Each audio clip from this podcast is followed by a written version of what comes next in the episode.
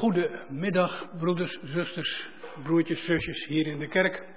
En iedereen die op enig moment meeluistert via internet. Hartelijk welkom in deze eredienst.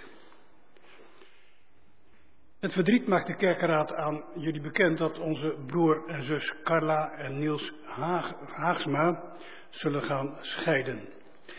Carla heeft daarnaast besloten om zich aan onze gemeente te onttrekken en zich met Gabriella en Melchior aan te sluiten bij de hervormde kerk in Elburg. Niels zal lid blijven van onze gemeente. Carla blijft wonen op haar, hun huidige adres in Elburg. En Niels heeft inmiddels een andere woonplek in een staakerven in Hulshorst. En daar blijft hij dan voorlopig even wonen. En we bidden ook voor deze plek Carla, Niels en hun kinderen Gabriella en Melchior God nabijheid toe. En tenslotte mag ik dan onze voorganger van vanmiddag welkom heten, dominee Dick Welving uit Amersfoort. We wensen elkaar een gezegende eredienst.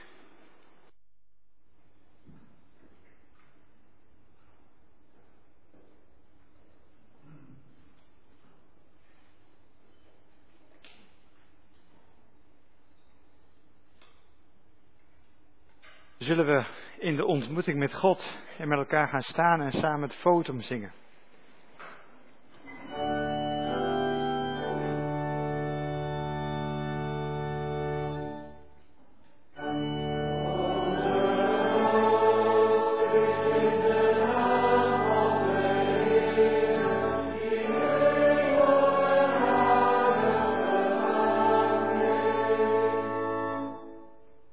Deze God die groet jullie en dit zijn woorden uit het Nieuwe Testament, uit, het, uit de brief van Judas en het klinkt de groet als volgt. Jullie zijn geroepen, aan jullie valt de liefde van God de Vader en de bescherming van Jezus Christus ten deel. Barmhartigheid is er voor jullie, vrede en liefde in overvloed.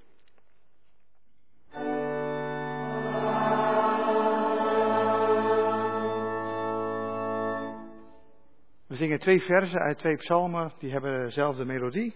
Psalm 36 vers 2 en Psalm 68 vers 8.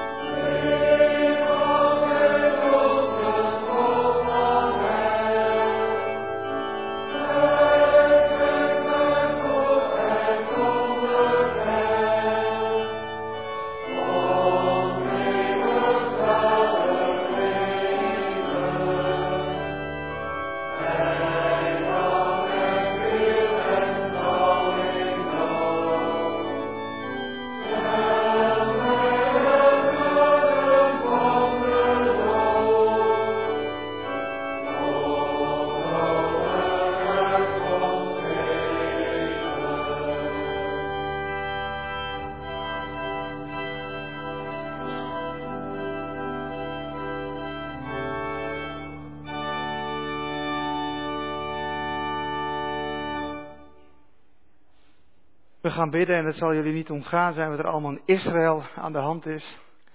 Het is uh, nog nooit in deze omvang gebeurd in de geschiedenis van dat land. Uh, ja, Zo'n grote aanval.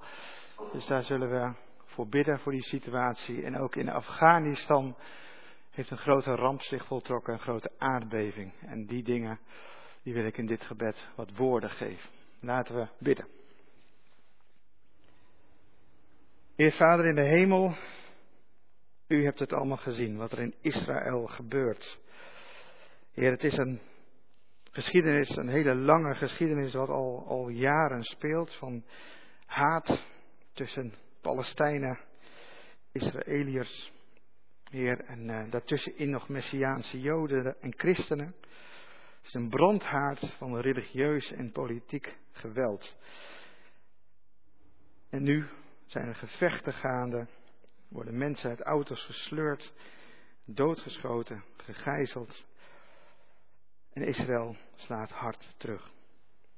Heer, dat moet u heel veel pijn doen. We bidden u, ontferm u over beide partijen. Bescherm uw volk, bescherm uw kinderen. Je geeft dat politieke leiders, zowel van Hamas als van Israël, inzien dat geweld niet werkt. Het is makkelijk gezegd vanaf deze preekstoel, vanuit een land in vrede. En toch, Heer, we bidden u om vrede in Israël. Hoor ons gebed. Ook bidden we u voor Afghanistan, waarna Turkije en Marokko nu ook daar een grote aardbeving is gebeurd, Heer. Er is al zoveel gebeurd. Er is altijd al zoveel oorlog. Heer, en een Taliban die er heerst. En nu dan ook nog een grote aardbeving. Ontferm u over de slachtoffers, de nabestaanden. Zegen de hulporganisaties. En geef dat hulp aankomt. En dat geld aankomt op de plekken waar dat moet. Hulpgoederen. Heer, zegen de hulp aan Afghanistan. En midden in deze gebroken wereld, ja, met de woorden van Psalm 68. Met groot ontzag geloven wij u. En dat doen we samen. Hier in het harde. Want ons samen zijn is ook iets wat u ons geeft. Dank voor een thuis. Dank voor deze kerkfamilie. Familie kies je niet. U koos de samenstelling van deze gemeente. En u zorgt dat het past. Net als die puzzel daarvoor in de hal. U zorgt dat het allemaal één geheel is. We zijn aan elkaar gegeven door u. En dat is iets heel moois. Geef dat we ons hier thuis voelen, thuis voelen bij elkaar. Geef dat we met elkaar willen oplopen, elkaar steunen, maar ook elkaar willen opscherpen. Geef dat we elkaar willen vergeven zoals u ons vergeeft. Heer, we bidden u, weg wat wij elkaar aandoen en wat we van elkaar vinden. Geef dat we elkaar zien zoals u elk van ons ziet. Heer, wat we bidden voor Israël, wat we bidden voor Afghanistan, bidden we ook voor ons. Ontferm u over ons. En dat bidden we in Jezus' naam. Amen. Het zal in deze dienst gaan over de wet van het oude verbond. Door de komst van Jezus Christus lezen we die wet in het nieuwe verbond, zoals je daar onder andere in 2 Korinthe 3 over leest, lezen we die wet in een heel ander perspectief.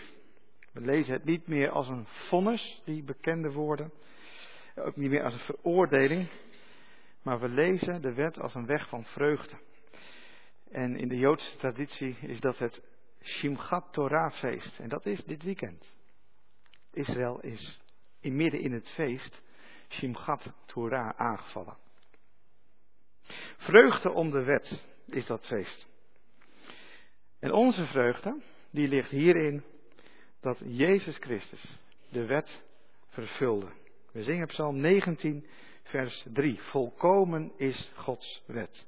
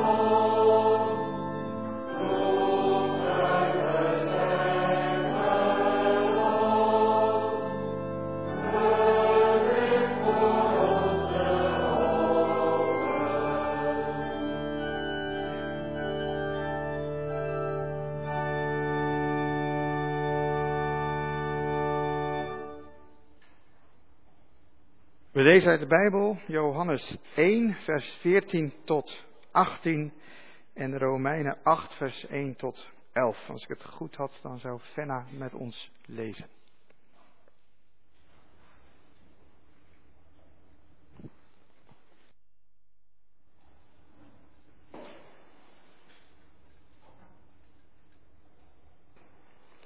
Johannes 1 vanaf vers 14. Het woord is mens geworden en heeft in ons midden gewoond, vol van genade en waarheid. En wij hebben zijn grootheid gezien, de grootheid van de enige zoon van de Vader. Van hem getuigde Johannes toen hij uitriep, hij is het over wie ik zei, die na mij komt, is meer dan ik, want hij was er voor mij. Uit zijn overvloed hebben wij allen opnieuw genade ontvangen. De wet is door Mozes gegeven, de genade en de waarheid zijn met Jezus Christus gekomen. Niemand heeft ooit God gezien, maar de enige Zoon, die zelf God is, die aan het hart van de Vader rust, heeft hem doen kennen. Dan Romein 8, vanaf vers 1. Dus wie in Christus Jezus zijn, worden niet meer veroordeeld. De wet van de geest die in Christus Jezus leven brengt, heeft u immers bevrijd van de wet van de zonde en de dood. Want waartoe de wet niet in staat was, machteloos als hij was door onze aardse natuur, dat heeft God tot stand gebracht. Vanwege de zonde heeft hij zijn eigen zoon als mens in dit zondige bestaan gestuurd. Zo heeft hij in dit bestaan met de zonde afgerekend, opdat alles wat de wet eist in ons tot vervulling wordt gebracht. Wij leven immers niet volgens aardse maatstaven, maar volgens die van de geest. Wie beheerst wordt door het aardse, streeft aardse zaken na. Maar wie beheerst wordt door de geest, streeft na wat de geest wil. Het aardse streven leidt tot de dood, maar het streven waartoe de geest aanzet, leidt tot leven en vrede. Het aardse streven staat vijandig tegenover God, want dat onderwerp zich niet aan zijn wet en is daar ook niet toe in staat. Wie beheerst wordt door de aardse kant, kan God niet behagen. U daarentegen wordt beheerst door de geest, want de geest van God woont in u. Iemand die de geest van Christus niet heeft, behoort Christus ook niet toe. Als Christus echter in u leeft, is uw lichaam weliswaar door de zonde ten dode opgeschreven, maar de geest schenkt u leven, omdat u door God rechtvaardig bent verklaard. Want als de geest van hem die in Jezus uit de dood heeft opgewekt in u woont, zal hij die Christus heeft opgewekt ook uw sterfelijk lichaam levend maken door zijn geest die in u woont.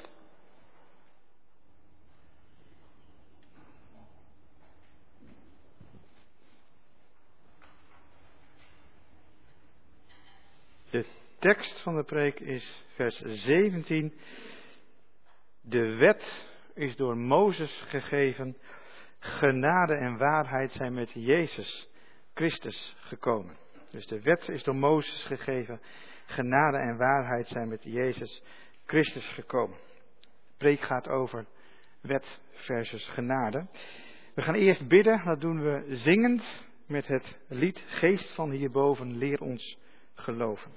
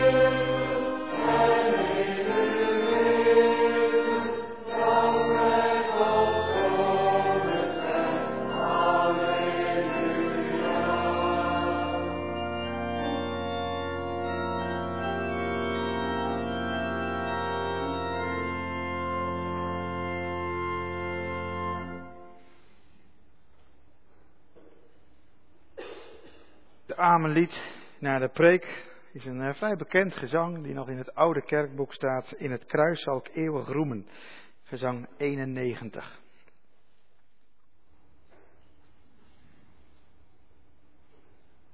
Ik geloof dat ik met jullie preekvoorziener een uh, preekbeurt of acht heb afgesproken. Dus uh, dat is mooi, want dan kun je nou, bijvoorbeeld wat langere lijnen kiezen in, in preken. En ehm, ik heb voor jullie nu een uh, prekenserie. Dit is de eerste uit de serie van drie zondagmiddag preken. Vanmiddag 8 oktober de eerste preek. Volgende week 15 oktober ook weer in de middag de tweede preek. Dan even drie weken daarna op 5 november de derde preek. Nou, vanmiddag gaat het over het beslissende moment in de Bijbelse geschiedenis dat Jezus bij mensen kwam wonen en wet wordt genade. Volgende week gaat het over, weer over Jezus, over de leer van Jezus, zijn onderwijs, onder andere de bergreden. Hoe verhoudt zich dat tot de wet? En op 5 november horen we over het nieuwe verbond, wat met Jezus is gekomen. En waar mensen een nieuw hart krijgen en vanuit de geest leven. En wat Fenna eigenlijk ook al las, hè, de wet leeft nu in ons binnenste, dat nieuwe verbond. Daar gaat het uh, die keer erop over. En volgens mij is het dan ook avondmaal. Vanmiddag dus de komst van Jezus. Wet wordt genade.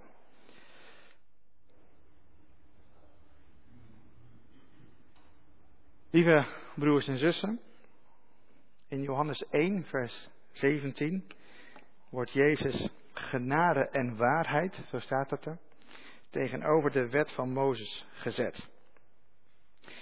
En dan is dit een van de belangrijkste kernen van ons geloof. Wet versus genade. Deze dia die komt straks trouwens. Kun je maar één op zwart zetten? Wet versus genade. Ik neem jullie mee naar de grootste opwekkingsbeweging in 2000 jaar kerk. Die opwekkingsbeweging had een enorme invloed op de theologie. Had ook een invloed op de vroomheid van de gelovigen. Heel veel mensen bekeerden zich tot een persoonlijk geloof. En die opwekkingsbeweging had een enorme invloed op de handel, op de economie en ook op zending, op ontwikkelingswerk. En deze opwekking veranderde ons hele leven, het leven van de westerse kerk. Over welke opwekkingsbeweging heb ik het? Tip. Ons kerkgenootschap draagt nog steeds de naam van die opwekkingsbeweging. Is er iemand die dat weet? Hoe heet die opwekkingsbeweging? Een tijdje geleden hoor. Christendom. Wat dat was al heel belangrijk. Een paar honderd jaar geleden. Reformatie. Klopt. Gereformeerd, hè? daar komt dat uh, uit. En in het hart van die opwekkingsbeweging, daar zat het grootste theologische leerstuk uit de geschiedenis. Maar ook het grootste stuk in de Bijbel en in de kerkgeschiedenis. Het leerstuk van wet en genade. Wat in Johannes 1, vers 17 dus staat. In het Oude Testament, daar zijn ongeveer 50 hoofdstukken over de wet. En de wet is dan breder dan de tien woorden. 50 hoofdstukken, dat beslaan eigenlijk de eerste vijf boeken van, uh, van het Oude Testament, de Torah.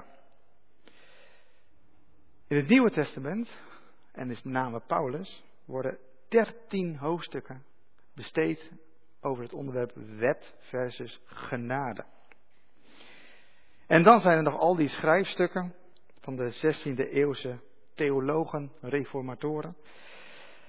En daar gaan we dus vanmiddag over hebben. Het leerstuk van de reformatie.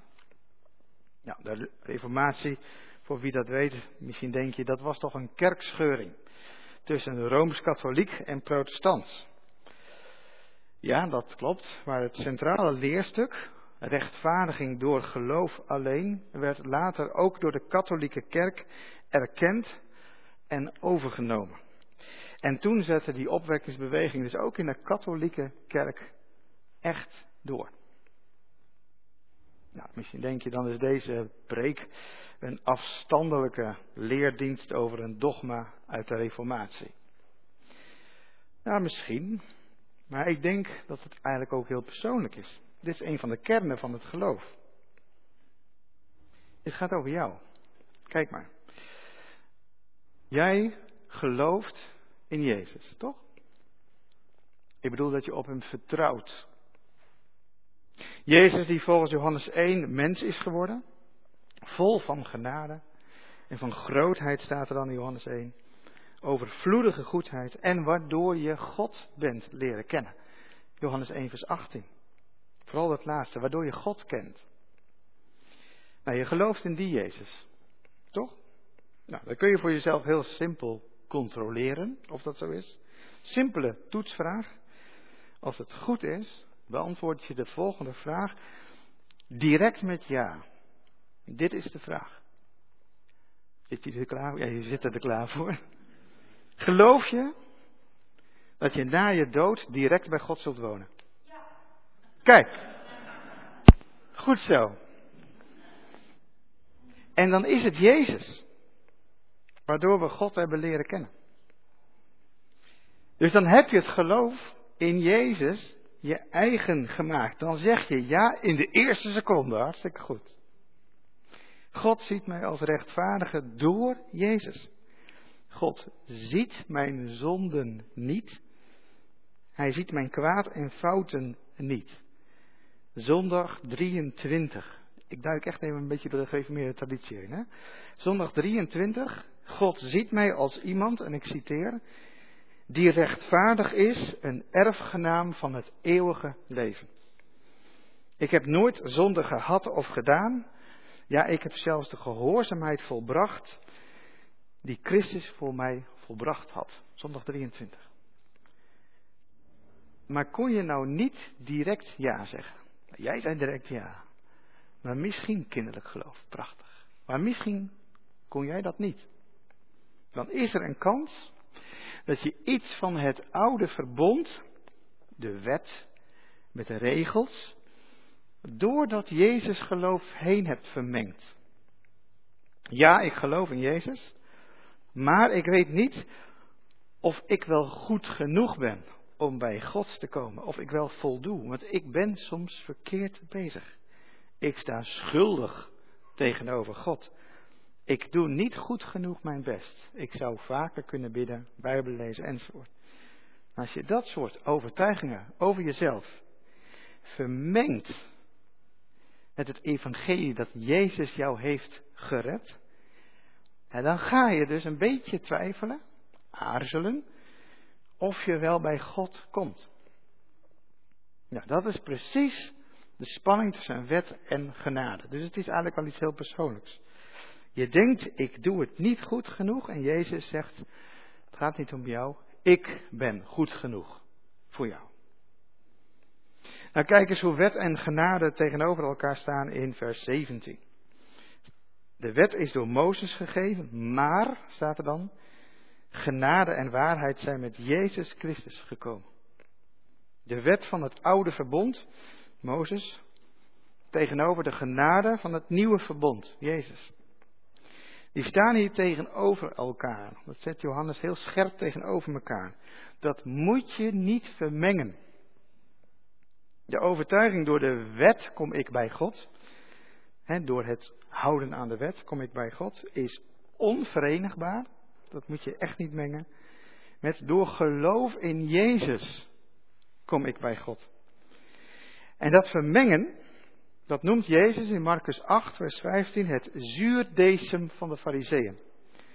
De fariseese opvatting, door de wet kom ik bij God, dat doet direct afbreuk aan door Jezus kom ik bij God. Dus je moet af van het wetsdenken, regeltjes, procedures, dingen doen om bij God te komen. Dat verzuurt je geloof. Nou, ik zei al dat het het grootste onderwerp in de Bijbel is. De wet om bij God te komen versus het geloof in Jezus om bij God te komen. Naast 50 hoofdstukken in de boeken van Mozes over de wet, heb je ook Romeinen 2 tot en met 10. Dat is een heel lang betoog. De Romeinenbrief was de belangrijkste brief in de Reformatietijd. Dat zijn negen hoofdstukken achter elkaar. En dan heb je ook nog 2 Korinthe 3 en Galaten 5. Dat zijn belangrijke hoofdstukken. 13 hoofdstukken over wet versus genade. Wat heeft Paulus toch veel tekst nodig om genade uit te leggen? Mensen geloven het blijkbaar niet. Als je die Paulus hoofdstukken doorleest, en dat heb ik voor jullie gedaan, wat leer je dan over die wet? Dus we kijken naar al die dertien hoofdstukken eigenlijk allemaal bij elkaar. Maar eerst dit, en dan mag je de eerste dia even tonen. En vanaf nu ga ik kijken of ik dat kan klikken. Daar staat dit, Romeinen 6, vers 19. Ik druk mij zo gewoon mogelijk uit, omdat het anders jullie begrip te boven gaat. Dat zegt Paulus tegen zijn mensen die hij aanschrijft, maar dat geldt nog steeds voor ons. Je zult gaandeweg deze preek ook denken, hmm, hoe zit dat nou eigenlijk? Paulus begint zo over de wet. De wet is onderwijs over de kennis en waarheid over God. Romeinen 7, vers 12. De wet zelf is heilig. En de geboden zijn heilig, zijn rechtvaardig en goed. Romeinen 2, vers 20. De wet is een opvoeder, in het Grieks staat er pedagoog, is een opvoeder van onverstandigen. Is een leraar van onwetenden. Daar staat het woordje pedagoog. De belichaming van de kennis en waarheid over God. Dus de kennis en de waarheid over God. Dat is dus prachtig, hè? Dat is de wet.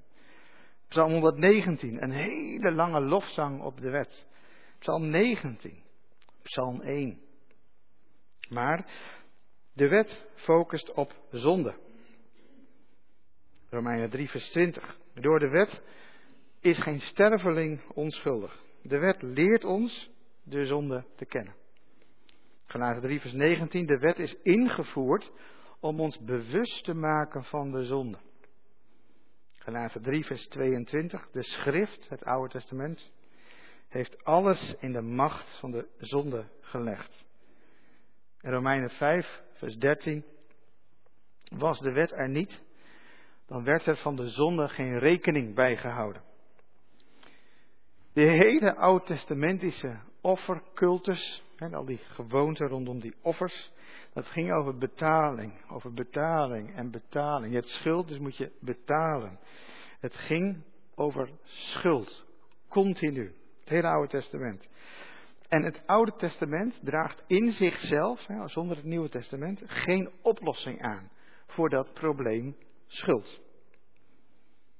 In het Oude Testament is er genade in die offers.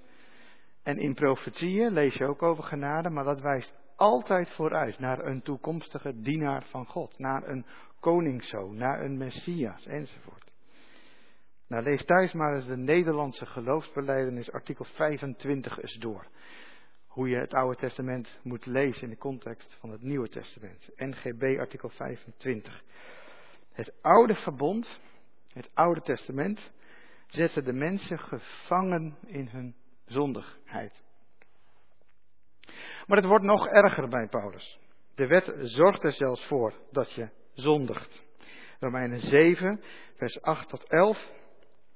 Maar de zonde heeft van het gebod gebruik gemaakt om begeerten in mij op te wekken. Want zonder de wet is de zonde krachteloos. Eens leefde ik zonder de wet, maar door de komst van het gebod kwam de zonde tot leven. Oké. En daardoor stierf ik. Het gebod dat tot leven had moeten leiden, bleek juist tot mijn dood te leiden. De zonde heeft gebruik gemaakt van het gebod. Ze heeft mij misleid en mij door het gebod gedood. En 2 Korinthe 3, vers 6, de letter, en dat is van de wet, maakt dood. Doordat er in een wet staat dat mag niet, wordt juist de verleiding in je opgewekt. En verbied een kind maar eens een uh, snoepje. Ik heb een dochtertje van zeven. Als die lekker zit te puzzelen. Nou, meestal is dat op een tablet tegenwoordig. Zit ze op zo'n tablet en ik zeg van, jij mag geen snoepje. Snoepje? Oh, nu je het zegt. ik heb wel zin in een snoepje. Dus dat, dat verbod, dat wekt juist iets op. En het is nog erger, want het betoog van Paulus gaat verder. De wet is een vloek. Galaten 3, vers 10. Iedereen die op de wet vertrouwt, is vervloekt. Want vervloekt ben je als je niet alles doet wat het boek van de wet bepaalt. En je kunt niet alles doen wat de wet van je vraagt. Als jij je toekomst dus laat afhangen van de wet, dan teken je eigenlijk je geestelijke doodsvonnis. Want je kunt niet aan alles voldoen van die wet. Dus maak je daar ook niet van afhankelijk. Nou, in dat betoog van Paulus komt een belangrijk omslagpunt. De macht van de wet eindigt in Jezus. Galaten 3, vers 24. Kortom, de wet hield toezicht op ons totdat Christus kwam. Dus het is tijdelijk. Romeinen 10, vers 4. De wet vindt zijn einde, in het Grieks telos, een einde in Christus. Dus de wet stopt in Christus. Romeinen 6, vers 10. Christus is gestorven om een einde te maken aan de zonde. De wet was tijdelijk. En de wet is vervuld in Jezus. De wet is klaar. Dat zei Jezus ook. Het is volbracht. De functie van de wet is voorbij. Dus hij is nog wel, maar het is voorbij. Jezus zette een vinkje achter elk gebod. Dus een gebod, check. Check, check, check. Dan. Volbracht. Wij zijn, omdat wij met Jezus zijn gestorven, dood voor de wet. Wij zijn vrij van oordeel. Romeinen 7, vers 4. Broers en zussen, jullie zijn dood voor de wet, dankzij de dood van Christus. Romeinen 6, vers 7. Wie met Christus gestorven is, is rechtensvrij van de zonde. Dat was voor mij destijds een eye-opener. In juridische zin ben jij vrij van die wet. De wet heeft nog wel gelijk. Hè? Dus als jij iets fout doet, dan heeft die wet nog steeds gelijk. Maar je wordt er niet meer door veroordeeld. Romeinen 8, vers 1 tot 3, we lazen het. Dus wie in Christus Jezus zijn, worden niet meer veroordeeld. Bevrijd van de wet van zonde en dood. Bevrijd, hè? Bevrijd. Waartoe de wet trouwens zelf niet in staat was. Dus wat is je huidige status? Je zit op het beklaagde bankje, of in het beklaagde bankje in de rechtszaal. En je bent net vrijgesproken met zo'n hamer. En je bent vrij. Er is voor jou betaald. Geen wet kan jou meer veroordelen. En ook in de toekomst niet. Maar ik overtreed die wet toch wel. Dus ik word niet meer veroordeeld. Hoe zit dat dan eigenlijk? Nou, dit is er veranderd. Punt 1. Genade. De wet is het liefdesgebod geworden. Laten 5 vers 14. De hele wet is vervuld in één uitspraak. Dus die hele wet in één uitspraak. Heb uw naaste lief als uzelf. En Jezus zegt in Johannes 13, vers 34 en 35, een nieuw gebod geef ik jullie. Heb elkaar lief, zoals ik ook jullie heb lief gehad. Het is niet meer een checklist met regels die God bij jou afvinkt. Ja, bijvoorbeeld bij jou. Hè? Hij vinkt niet af of jij alle regels hebt gedaan. Maar ik denk dat God naar jou kijkt en een hartje om jou heen tekent. Zoiets. Hij kijkt jou in liefde aan. God kiest ervoor, ook al doe jij, doe jij, doe jij kwaad, om je toch in liefde te zien. Dit is gewoon zondag 23, hè? Vanavond nog maar eens nalezen. Zondag 23. Dus aan jullie ook, wees zo genadig. Veroordeel de ander niet, maar heb die ander lief. Dit is er ook veranderd. Punt 2. Waarheid. De wet is nu leven door de geest. Je leest dat in Romeinen 8, vers, in Romeinen 8 en in Galaat 5. Gelaten 5 vers 18. Wanneer jullie door de geest geleid worden, ben je niet meer onderworpen aan de wet. Door de geest geleid worden is aan jou te zien. Je leeft vanuit vreugde en vrede, geduld en vriendelijkheid, goedheid, geloof, zachtmoedigheid, zelfbeheersing. Mensen die zich laten leiden door regels, die focussen altijd op zonden waar het misgaat. Het is nooit goed. Als je je laat leiden door een wet, en we hebben al gezien dat niemand welke wet ook aan kan voldoen, dan zul je altijd falen. Dus altijd die focus op, op het falen. En dit leidt uiteindelijk tot geestelijke armoede en uiteindelijk een geestelijke dood. Mensen die er zo in zitten, die naar wetten kijken, hun kerk is negatief. Hun kerk is veroordelend. Hun kerk is ongastvrij. En hun kerk is uitsluitend. Sluit mensen uit. Ten diepste is hun kerk ongenadig. Want, gelaten 5 vers 4, als jullie proberen door God als een rechtvaardige te worden aangenomen door de wet na te leven, dan zijn jullie van Christus losgemaakt en hebben jullie Gods genade verspeeld. Dus samengevat, de wet is onderwijs over de kennis en waarheid over God. Daar begonnen we mee. Maar die wet die heeft een focus op de zonde, op wat misgaat. En de wet zelf, zegt Paulus, zorgt ervoor dat je zondigt. Het wekt een soort verleiding bij je op. De wet vervloekt jou, omdat je niet aan de hele wet kunt voldoen.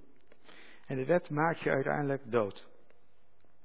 Maar de omslag in dat grote betoog van Paulus is: de macht van de wet eindigt in Jezus. Wij zijn daarom dood voor die wet. Die wet heeft geen invloed op ons. Wij zijn vrij van oordeel. En de wet is nu, in het nieuwe verbond, maar daar zal het over een paar weken over gaan, is het liefdesgebod geworden. De wet is nu leven door de geest. Hoe leef je nou vanuit Jezus genade en waarheid? Want als je een set met regels hebt, dat is heel makkelijk. Hè? Dan hoef je alleen maar even te checken, oh dat doe je fout, dat doe je goed. Maar hoe doe je dat nou? Leven vanuit genade en waarheid. Een leven zonder veroordeling. Een leven vanuit het liefdesgebod. Een leven door de geest. Hoe gaat dat in zijn werk? En gewoon praktisch. Hoe doe je dat nou de komende week? Stel je doet een wetsovertreding. Je doet iets fout. Nou, denk eens na over iets wat jij fout doet of maar blijft doen komende week.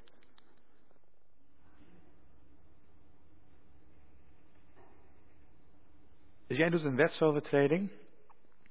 En jij gelooft in Jezus, voluit. En die wet heeft dus geen macht over jou. Dus die veroordeelt jou niet. Je doet een wetsovertreding, maar die wet veroordeelt jou niet. Dan zegt Jezus dit tegen jou. Komt uit Johannes 8, vers 11. Ga naar huis en zondig vanaf nu niet meer. Ken je dat? Dat is dat verhaal met die overspelige vrouw. En hij zegt, deze vrouw heeft echt de wet overtreden. Jezus zegt, ook ik veroordeel je niet. Niemand deed dat, maar Jezus ook niet. En dat is hoe Jezus met wetsovertredingen omgaat. Ook ik veroordeel jou niet. Geen veroordeling. De, de wet zou dat doen. De wet zou jou direct veroordelen. Maar Jezus die zegt, houd ermee op. En met zijn gezag, hij kijkt je aan, houd ermee op. Ga naar huis en zondig niet meer. Ik parafraseer een beetje. Ga door met je leven en doe het niet meer. Hoor jij veroordeling in die woorden? Ik zal ze nog eens zeggen. Ga door met je leven en doe het niet meer. Hoor jij daar veroordeling in? Zou je het ook zelf zo kunnen zeggen van iemand die jou iets verkeerds aandoet? En wat nou als jij dat nou weer doet? Hè? Je hebt iets fout gedaan en je doet het nog een keer. Dan zegt Jezus, dan is er vergeving. 70 maal 7 maal. Matthäus 18, vers 22. Hoe vaak moeten wij vergeven? 70 maal 7 maal. Dus jij doet iets fout. Dan zegt Jezus tegen jou: ga door met je leven en doe het niet meer. Maar ja, je doet het nog een keer. Ga door met je leven en doe het niet meer. En dan doe je het nog een keer.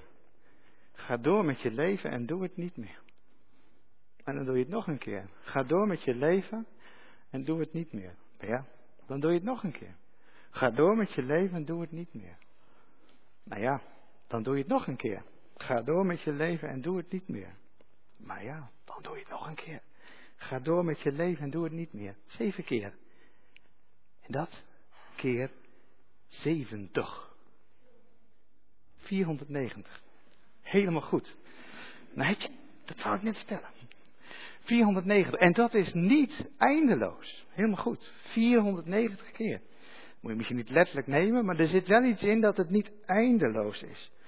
Als jij Jezus blijft verlogenen en schofferen en recht in zijn gezicht elke keer maar doorzondigen en hij die jou niet veroordeelt, dan vraagt Jezus heel simpel. Ik lees even voor uit Johannes 21, vanaf vers 15, toen Petrus Jezus had verlogend. En Jezus sprak hem daarop aan. Petrus, heb jij mij lief meer dan de anderen hier, die Jezus nog niet hadden verlogend? Petrus antwoordde, ja Heer, u weet dat ik van u houd.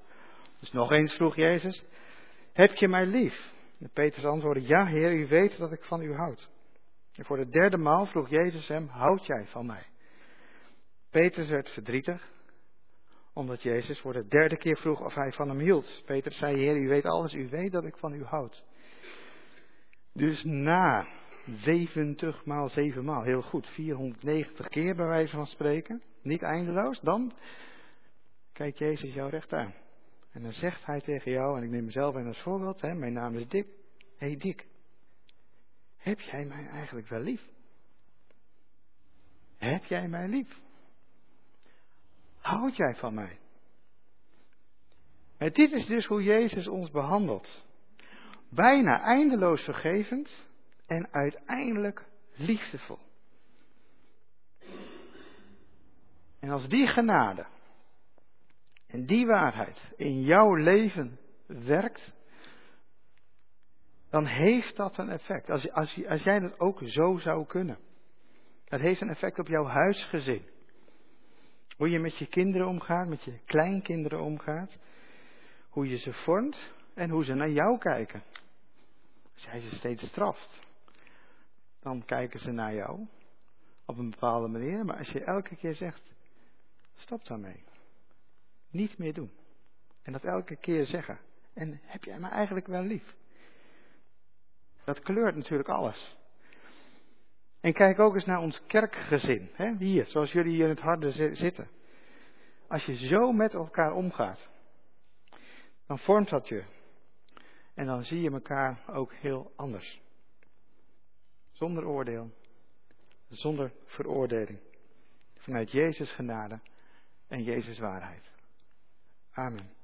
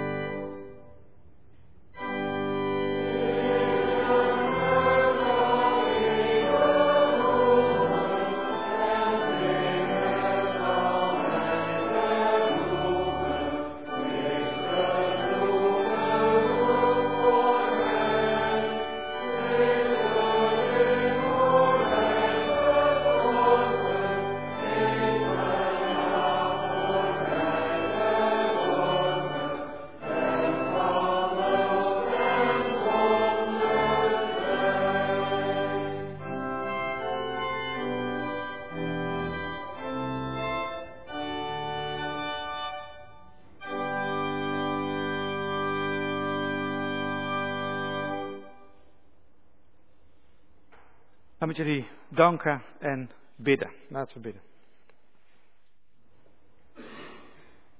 Vader in de hemel, dank u voor uw goede wet, waardoor we u hebben leren kennen. Ook al hebben we misschien wel vooral onszelf daarin leren kennen. Want uit de wet kennen we onze ellende.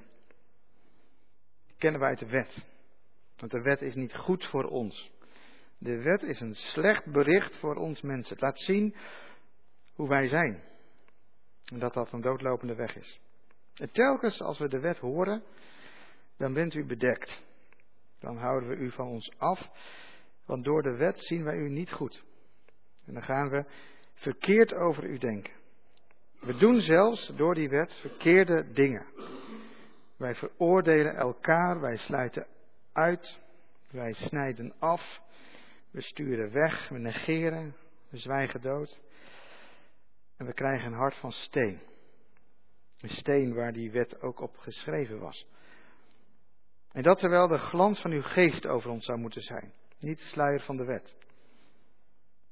En daarom, Vader in de hemel, dank u voor uw Zoon Jezus.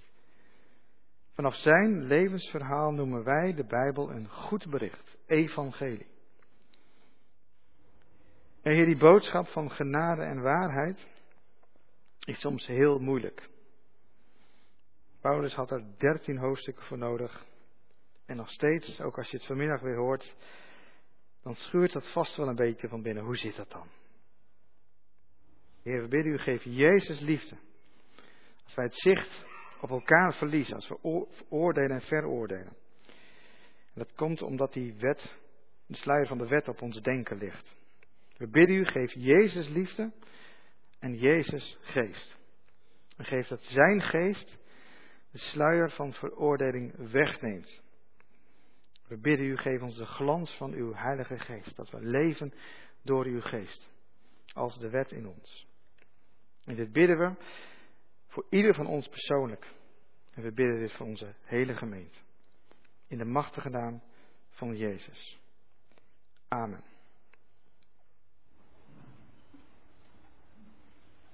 Het is nu tijd voor de collecte en God zegene jullie gaven.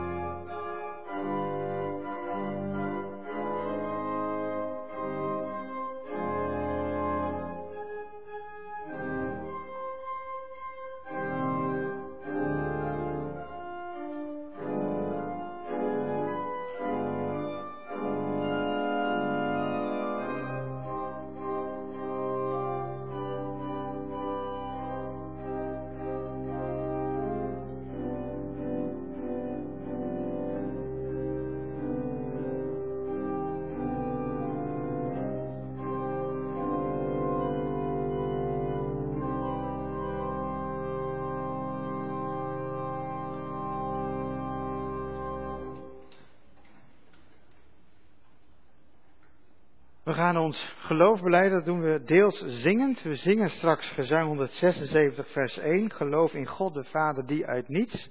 En na dat eerste vers, dan lees ik de artikelen 2 tot en met 7 uit de apostolische geloofbeleidenis voor. En dan sluiten we weer samen af door het vijfde vers van gezang 176 te zingen. Zullen we gaan staan?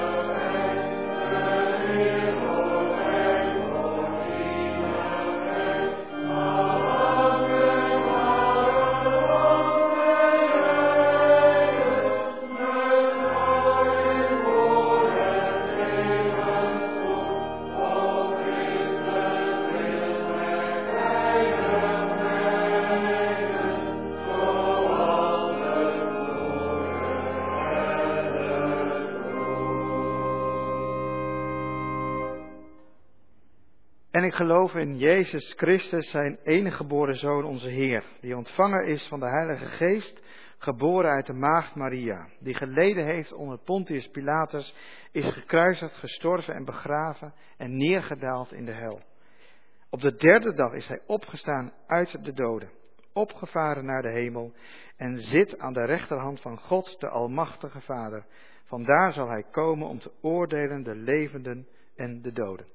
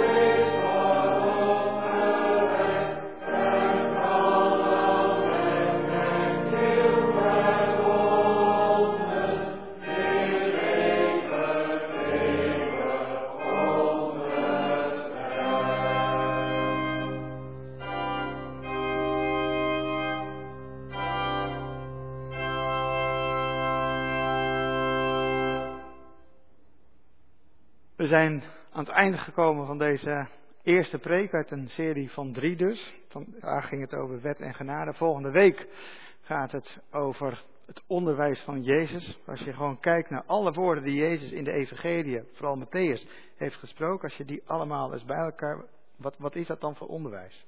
Daar gaat het volgende week over. Ik maak voor elke preek eigenlijk een samenvatting. En ik heb ook voor deze preek heb ik een samenvatting gemaakt. Ook, ja, ik heb natuurlijk heel veel bijbelteksten over jullie heen uh, gedaan. Ik heb ook hardop gestudeerd. Ik heb uh, een uh, preeksamenvatting, 30 stuks.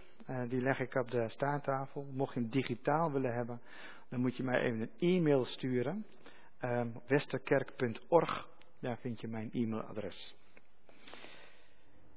Tot slot. God zegent jullie en als amen zingen we daar straks op lied 415, zegen ons al goede. Mogen de Heer jullie zegenen en je beschermen. Mogen de Heer het licht van zijn gelaat over jullie doen schijnen en je genadig zijn. Mogen de Heer je zijn gelaat toewenden en je vrede geven.